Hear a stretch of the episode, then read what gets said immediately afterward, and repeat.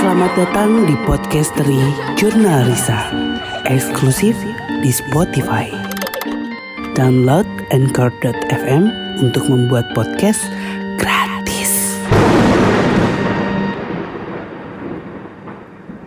Assalamualaikum warahmatullahi wabarakatuh. Selamat malam, selamat datang di podcast dari Jurnal Risa eksklusif di Spotify. Gimana kabar teman-teman semua hari ini? Semoga selalu dalam keadaan baik ya. Sekarang giliran saya ready yang bakal cerita ke teman-teman semua.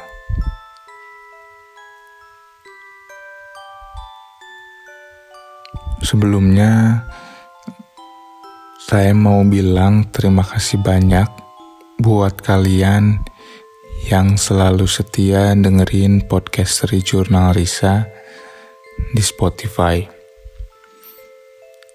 Saya doakan selalu yang terbaik buat teman-teman semua ya. Oh iya lupa, mau ngingetin lagi ke kalian kalau podcast dari Jurnal Risa di Spotify dalam satu minggu tiga kali, setiap Senin, Rabu, dan Jumat.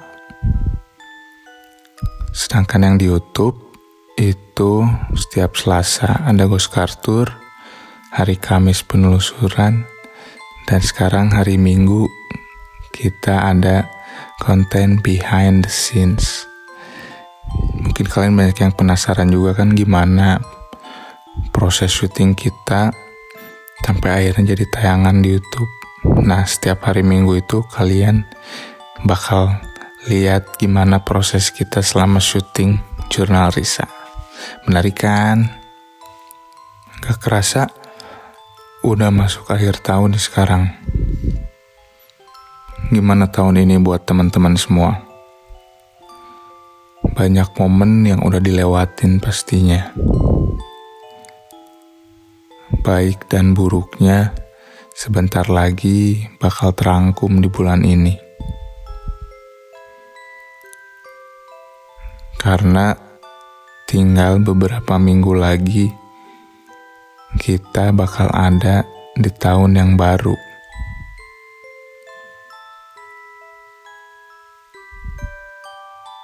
Semoga tahun depan kita bisa jadi manusia yang lebih baik dari tahun ini dan juga bisa jadi manusia yang selalu bermanfaat buat sekitar kita. Buat tim jurnal Risa juga tahun ini ya bisa dibilang tahun yang cukup menantang buat kita. Selain ada kabar buruk, tentunya ada kabar baik. Dan kabar baiknya itu adalah bahwa tahun ini kita ada tayangan Ghostbusters 3 Peter CS Goes to Turkey. Kalian udah pernah nonton kan? Gimana keseruan kita dan juga ketegangan kita selama syuting di Turki. Kalau teman-teman yang dengerin podcast dari malam ini ada yang belum beli tiket, yakin gak mau nonton, gak akan nyesel loh.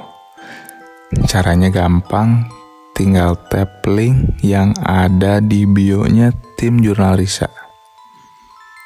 Langsung.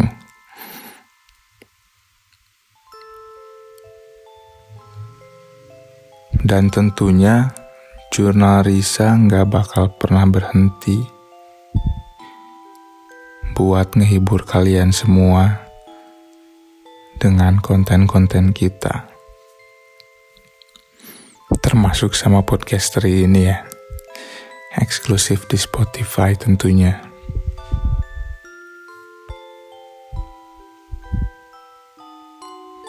Cerita yang bakal saya bagi ke kalian malam ini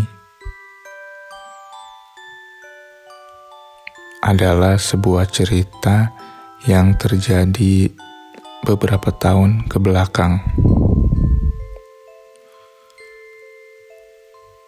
Waktu kami sekeluarga pergi berlibur sejenak untuk menghabiskan akhir pekan keluar kota.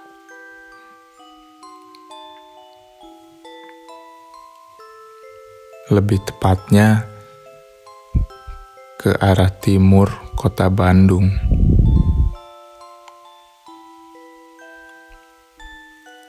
Kami berencana untuk mengunjungi sebuah kota di mana kota tersebut memiliki sebuah pemandian sumber air panas. Kami menyewa sebuah villa yang ada di sana. Tempat itu merupakan tempat milik salah satu teman kakak saya.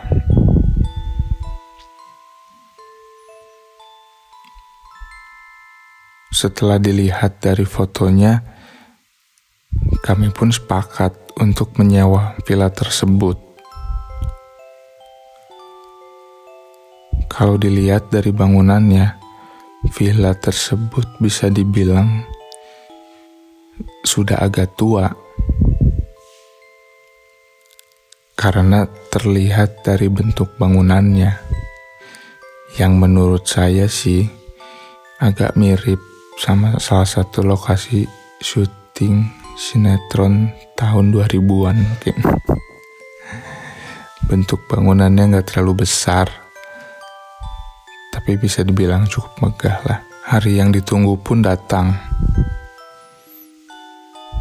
Kami berangkat ke kota tujuan malam hari atau selepas maghrib. karena beberapa anggota keluarga masih ada yang harus bekerja. Jadi kami harus menunggu mereka pulang baru bisa berangkat.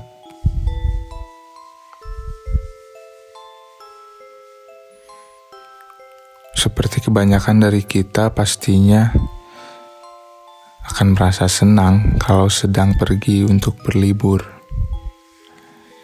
Itu pun yang saya alami Ya kecuali kalau memang pas lagi pergi kita lagi ada masalah ya.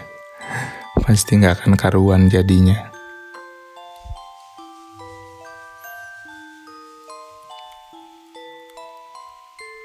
Setelah menempuh perjalanan sekitar dua setengah jam,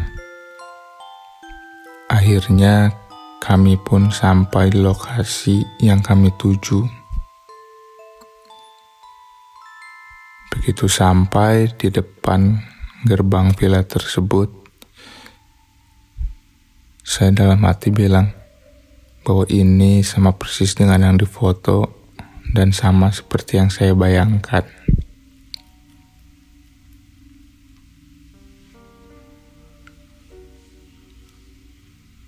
Bangunan yang cukup tua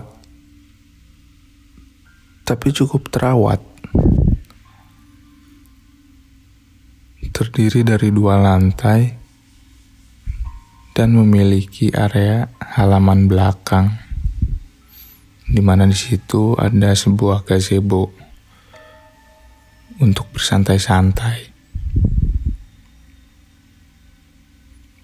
Dan tentunya, kenapa kami memilih villa tersebut karena lokasi villa tersebut tidak jauh dari area pemandian air panas. Jadi saya pikir ini bakal jadi akhir pekan yang menyenangkan. Begitu sampai di lokasi villa, kami disambut oleh seorang penjaga villa dan seekor anjing peliharaannya yang mungkin ditugaskan untuk membantunya menjaga villa kalau-kalau ada orang yang masuk ke dalam tanpa izin.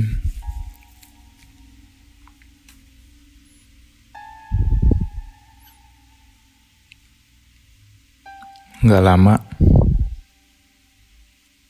kami pun langsung bergegas masuk ke dalam dan duduk-duduk sebentar untuk beristirahat. Setelah menempuh perjalanan dari Bandung,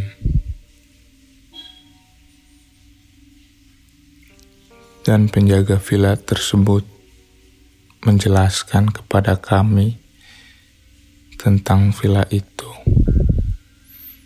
Lalu, gak lama berselang, ia pun memberi kunci villa kepada kami lalu pulang dengan peliharaannya.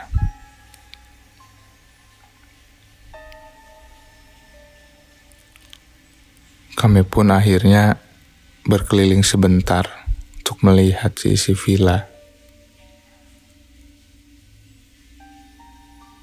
Dan ternyata villa itu memiliki sebuah basement yang berfungsi sebagai gudang untuk menyimpan barang-barang. Tapi kondisi basementnya terkunci jadi kita tidak bisa melihat ke dalam.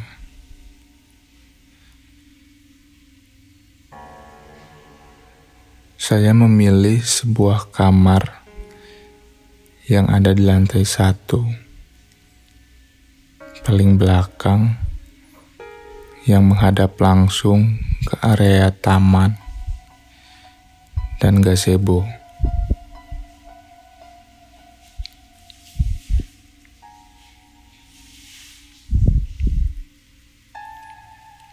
Setelah menyimpan barang, saya kemudian mandi dan bersiap untuk makan malam.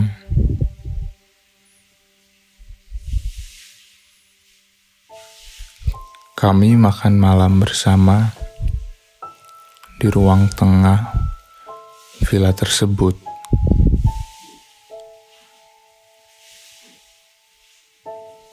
Setelah makan malam, kami nggak langsung masuk ke kamar masing-masing, tapi mengobrol-ngobrol ringan di ruang tengah.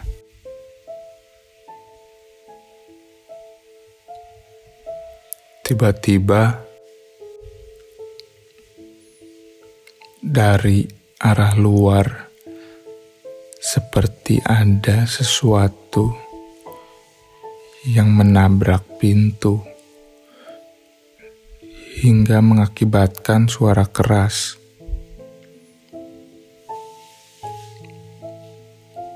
Di tengah obrolan, kami pun semua terdiam dan tanpa komando langsung menengok ke arah pintu yang langsung mengarah ke area taman belakang.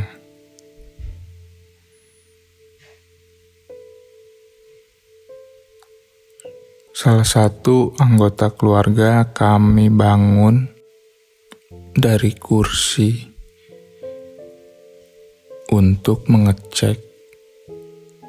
Takutnya ada yang iseng orang lempar sesuatu kah atau apa.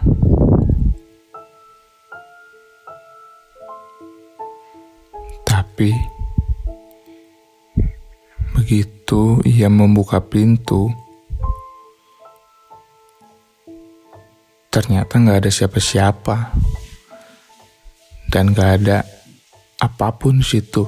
Karena ya logikanya kalaupun ada yang iseng lempar barang, harusnya barang itu ada di situ kan. Nah ini nggak ada. Artinya ya bukan orang yang lempar sesuatu.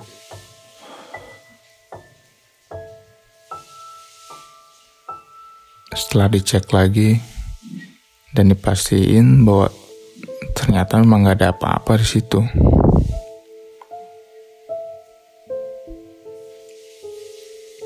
Akhirnya pintu ditutup kembali. Kemudian saudara saya balik ke kursi tempat ia bersantai sebelumnya. Setelah itu, suasana mulai jadi nggak enak. Dari yang tadinya kita ngobrol santai, sambil ketawa-ketawa, tiba-tiba mendadak kening dan pikiran saya langsung ke mana-mana mikirin hal yang buruk-buruk.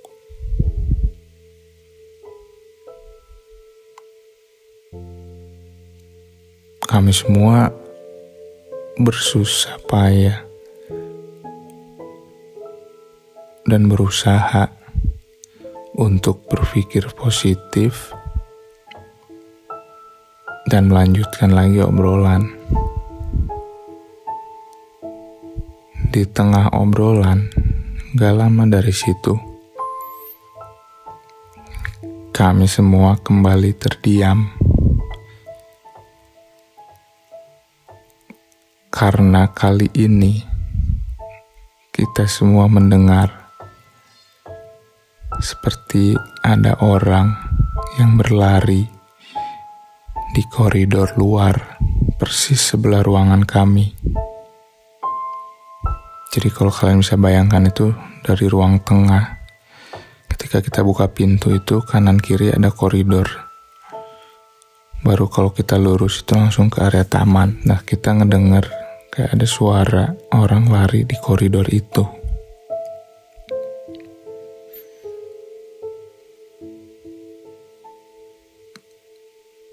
Saudara saya ngecek lagi akhirnya. Cuma dia nggak buka pintu kali ini. Dia cuma buka jendela, buka gordennya untuk dia lihat. Tapi karena sudut pandang yang sempit mungkin, jadi dia nggak bisa ngelihat semua. Akhirnya mau nggak mau, dia harus buka pintu untuk mastiin di sana nggak ada siapa pun atau paling nggak nggak ada sesuatu yang membahayakan kita lah.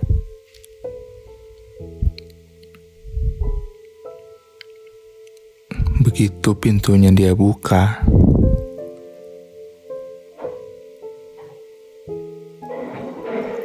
kondisinya masih sama seperti sebelumnya. Kosong, nggak ada siapa pun. Akhirnya pintu ia tutup lagi. Dan dengan nada yang pelan, kelihatan banget orang berusaha menenangkan situasi. Sambil bilang, "Udah yuk tidur, udah malam."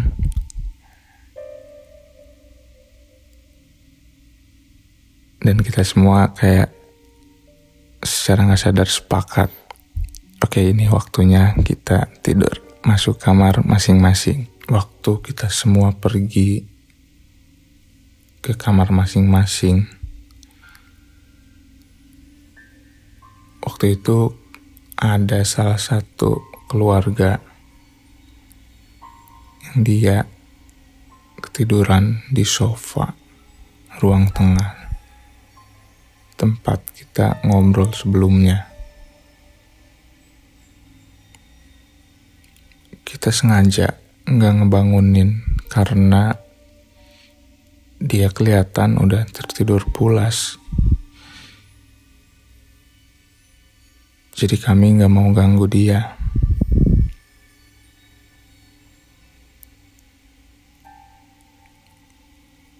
Setelah kejadian itu pun akhirnya saya tidur pulas. Ya walaupun bisa dibilang saya butuh waktu lumayan lama untuk tidur.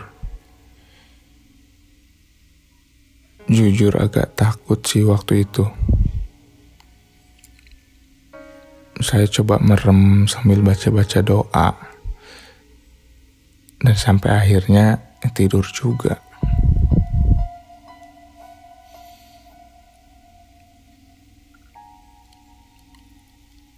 entah jam berapa waktu itu saya nggak ingat cuma yang saya ingat itu tiba-tiba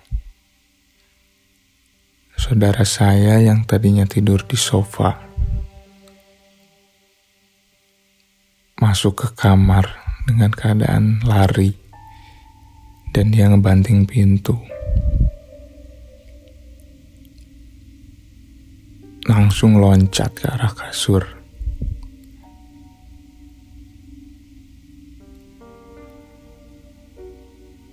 Saya bangun karena kaget.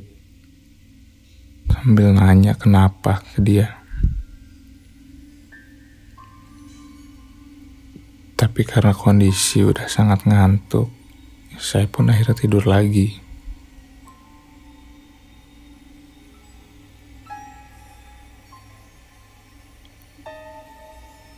Besok paginya, waktu saya bangun, Habis biasa cuci muka, sikat gigi, lalu sarapan. Gak lama, ayah saya keluar kamar, sudah keadaan rapi. Beliau pergi ke kamar saya dan membangunkan saudara saya yang masih tidur. Setelah itu, menyuruh kami semua untuk mandi dan membereskan barang bawaan. Karena kita bakal pindah ke hotel yang lokasinya bersebelahan dengan pemandian air panas.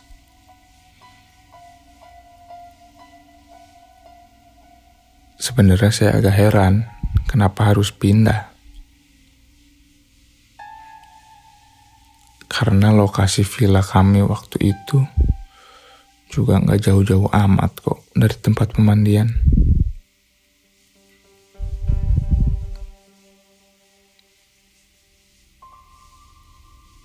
Sambil nunggu semua orang siap untuk pergi, saya bertanya ke saudara saya yang semalam lari-lari masuk ke kamar dan dia cerita katanya semalam ia bangun dan mendengar ada suara yang mengetuk pintu basement dari arah dalam.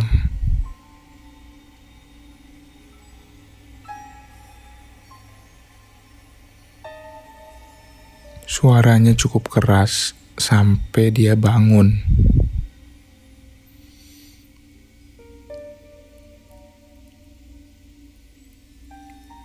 Tapi waktu itu dia tidur lagi. Dan di tengah tidurnya dia, suara ketukan itu muncul lagi. Sampai dia pun berdiri dari sofa. Begitu mendekati tangga yang mengarah langsung ke basement. Suara itu muncul lagi.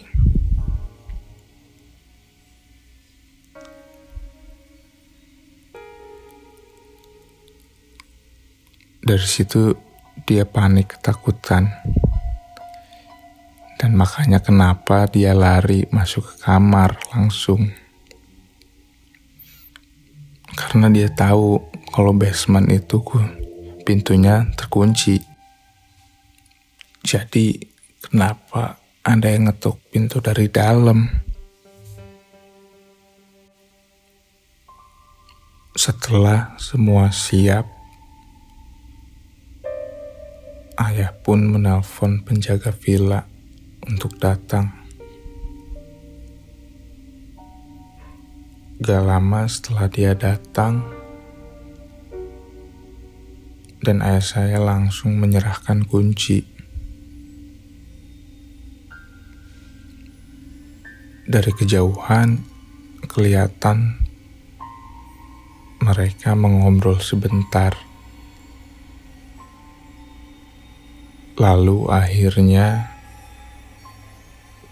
kami pun pergi dan check-in di salah satu hotel untuk kemudian bermalam di sana.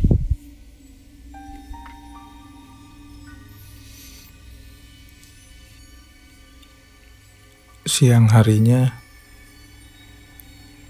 kami makan siang bersama di luar sambil menunggu pesanan kami datang.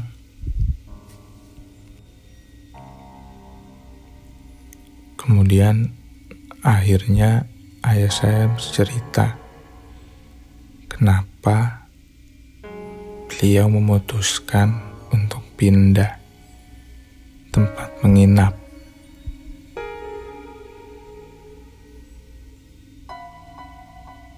Ia cerita kalau semalam itu beliau bangun untuk buang air.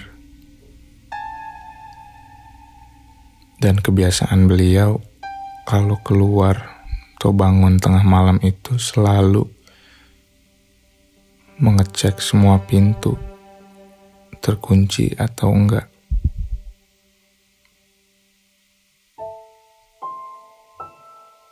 Ketika sedang memeriksa pintu yang mengarah ke area taman belakang, ternyata enggak kekunci. Begitu dia buka pintu, beliau lihat ada sosok wanita berambut panjang sedang duduk di gazebo. Posisinya membelakangi, jadi hanya terlihat bagian punggung, tapi kelihatan jelas rambutnya yang hitam panjang. Tanpa pikir lama, ayah saya kemudian menutup pintu dan mengunci. Kemudian setelah itu, ayah saya pergi ke dapur untuk mengambil minum. Dan setelah minum, ayah saya kembali menuju ke arah kamar. Lalu katanya waktu dia jalan ke arah kamar, beliau berpapasan dengan saya yang pergi ke arah dapur.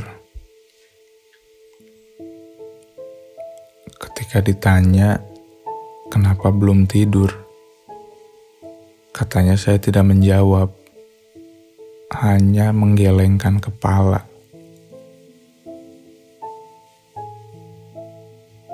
Ketika melewati ruang tengah, beliau melihat saudara saya sedang tidur pulas karena kebetulan atau tidak. Tapi ayah saya pergi ke kamar saya yang kondisi pintunya tertutup dan gak kedengeran suara orang buka pintu. Setelah dibuka, beliau kaget Ternyata saya sedang tidur pulas juga di kamar. Lalu siapa yang tadi berpapasan dengan beliau di dapur?